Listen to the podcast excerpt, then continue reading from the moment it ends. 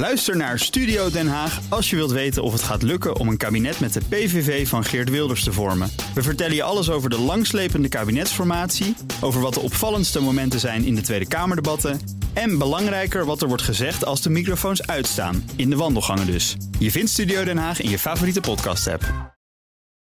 Auto-update. Nou, Broekhoff, zes minuten voor negen is het. Het is vrijdag en ja, uiteraard, we kunnen niet om je heen. We gaan naar uh, de auto-update. Maar de situatie in Oekraïne, daar gaan we het wel over hebben... Ja. zorgt voor die verdere prijsstijging aan de pomp. Het gaat maar door. We de gasprijs 40% intraday omhoog gaan. Zakt uiteindelijk 30% of zakte naar maar een stijging van 30%.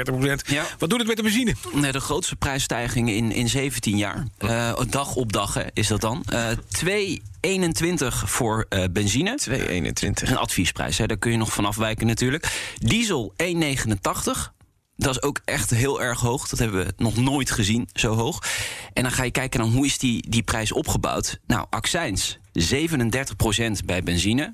Eh, diesel 28%. En daar komt ook nog eens BTW overheen. Ja. En dat is dan niet het hoogste tarief, 21%, maar 17%. Ja, maar toch. Maar Ja. daar, zou je, daar zou je in principe wat aan kunnen doen. En dan zit het kwartje van. Kok er nog in, hè? Nou, ja, Wij zijn dat- toch heel anders ten Die zou je ook nog opzichte- terugkrijgen. Ja, Wij zijn toch ook heel anders ten opzichte van de rest van Europa? ja, ja, je ziet nu echt de verschillen natuurlijk aan, aan de grens. Is, die zijn enorm. En dat zeggen Maar pomphouders kunnen we ook. toch beter in de accijns zitten dan op die BTW. Ja, Zeker. Nou, het is wel is dubbel probleem. dat door een oorlog die nu gevoerd wordt in Oekraïne... eh, in Nederland meer ja, accijns wordt opgehaald. Dat is best wel raar. Daar zou je iets aan moeten doen, toch? Nou, we hoorden net Volt al die zegt van Ja. dat, daar moeten we wat aan doen. En Ja. eh, de teneur is ook wel een beetje in de Kamer dat er wat aan, eh, aan gebeuren gaat. Dus laten we dat hopen. Want ja, dit is eigenlijk niet vol te houden. hè. Dit geeft zo'n inflatoren druk. Dit raakt ons allemaal in de portemonnee. Zeker. En dat is niet mooi. En dat is wel mooi voor jouw andere programma Mobility. Maar daar hebben we het nu niet over. Nee, dit dat is maandag pas weer.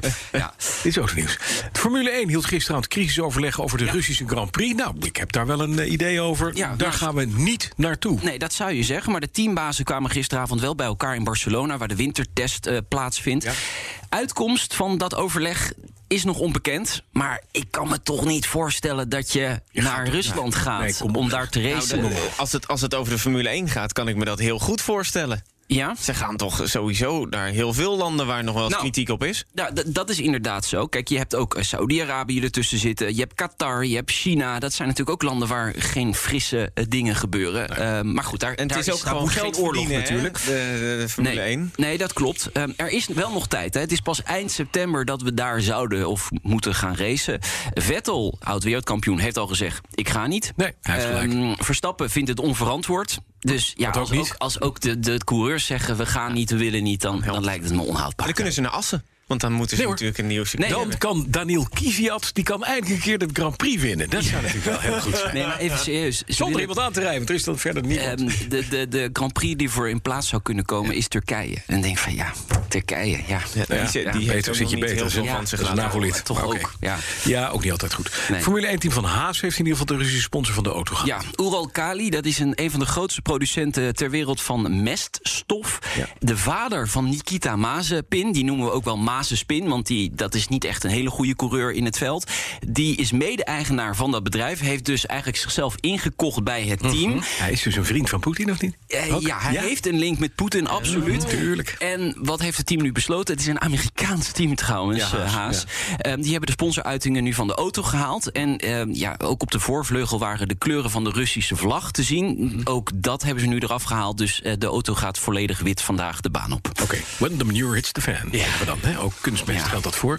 Eh, trouwens, eh, bij het voetballen heeft ook een, een, een, een, team... Schalke. Ja, Schalke die heeft Schalke. natuurlijk Gazprom als sponsor. En Niet Gazprom meer. is ook een hele grote sponsor in de Champions League. Dus daar zal de UEFA ook nog wel wat over moeten zeggen. Nog even wat financieel nieuws, want ondanks de spanningen is er groen licht voor de mogelijke beursgang van Porsche. Ja. Die gaan dus het hele eh, verhaal floten vanuit de VRG. Ja, het is wel, wel opmerkelijk dat je dan gisteravond om een uur of tien zo'n persbericht krijgt van Volkswagen. Eh, de Raad van Bestuur en de Raad van Commissarissen van Volkswagen hebben een overeenkomst gesloten om de haalbaarheid te toetsen van een beursgang van Porsche. De constructie hebben ze ook al vrijgegeven, dus ze zijn al best wel ver. Eh 50% gewone aandelen, 50% eh preferente aandelen. En van die 50% komt nog eens een kwart echt verhandelbaar op de beurs. Van die preferente aandelen. free float. Ja, Juist. eigenlijk wel, ja. En voor wie zijn die pre- preferente aandelen? Ja, eh, van, ja, van jou en mij misschien wel. Nou, nee, ik denk dat de voorstand daar wat Ja, eh, over gaat houden. en de- Die willen natuurlijk eh, op de eerste hand zitten. Ja, ja, ja. En, en eh, werknemers van, van Volkswagen zelf Ja. kunnen ook een bonus verwachten. Maar wanneer dit allemaal gaat gebeuren, dat weten we niet. Dit najaar, misschien begin volgend jaar. Het gaat niet nu gebeuren. De spanningen zijn gewoon te groot om nu Porsche naar de beurs te brengen. Maar wat is het waard, Ja, Porsche? dat is natuurlijk de grap, hè? 100 miljard dollar, 100 zegt men. Ja. Zegt men. Zegt men, ja. Ja. ja. Maar dat is misschien wel meer. Misschien, misschien wel veel meer. Ja, echt waar. Porsche is natuurlijk zo'n ongelooflijk sterk merk. Dat weet je ook. Je hebt, hoeveel Porsches heb je wel niet staan thuis? Mhm. een paar, ja. Het is een enorm sterk merk. Ze, ze maken eigenlijk helemaal niet zoveel auto's. hè. 300.000, 400.000 per jaar. Nee. Maar ja, het zijn wel auto's met, met Heritage, de 911. Ja. Ze gaan elektrisch. Ze willen geld ophalen daarvoor. Ja, ja, ja, Dat is ja. jammer. Kost veel geld, hè, dus dan moet wel Ja, geld daarom eh, moet- worden. geld komen. En daarom is die beursgang ook. Dankjewel, nou, Broekhoff. Graag gedaan. De auto-update wordt mede mogelijk gemaakt door Leaseplan. Leaseplan. What's next? Ook Liesbeth Staats vind je in de BNR-app. Ja, heel handig. Luister live naar Kees en mij tijdens de Daily Move. Dan blijf je ook gelijk op de hoogte van breaking news en het laatste zakelijke nieuws. En daar vind je ook alle BNR-podcasts, waaronder de Perestrooikast. Download nu de gratis BNR-app en blijf scherp.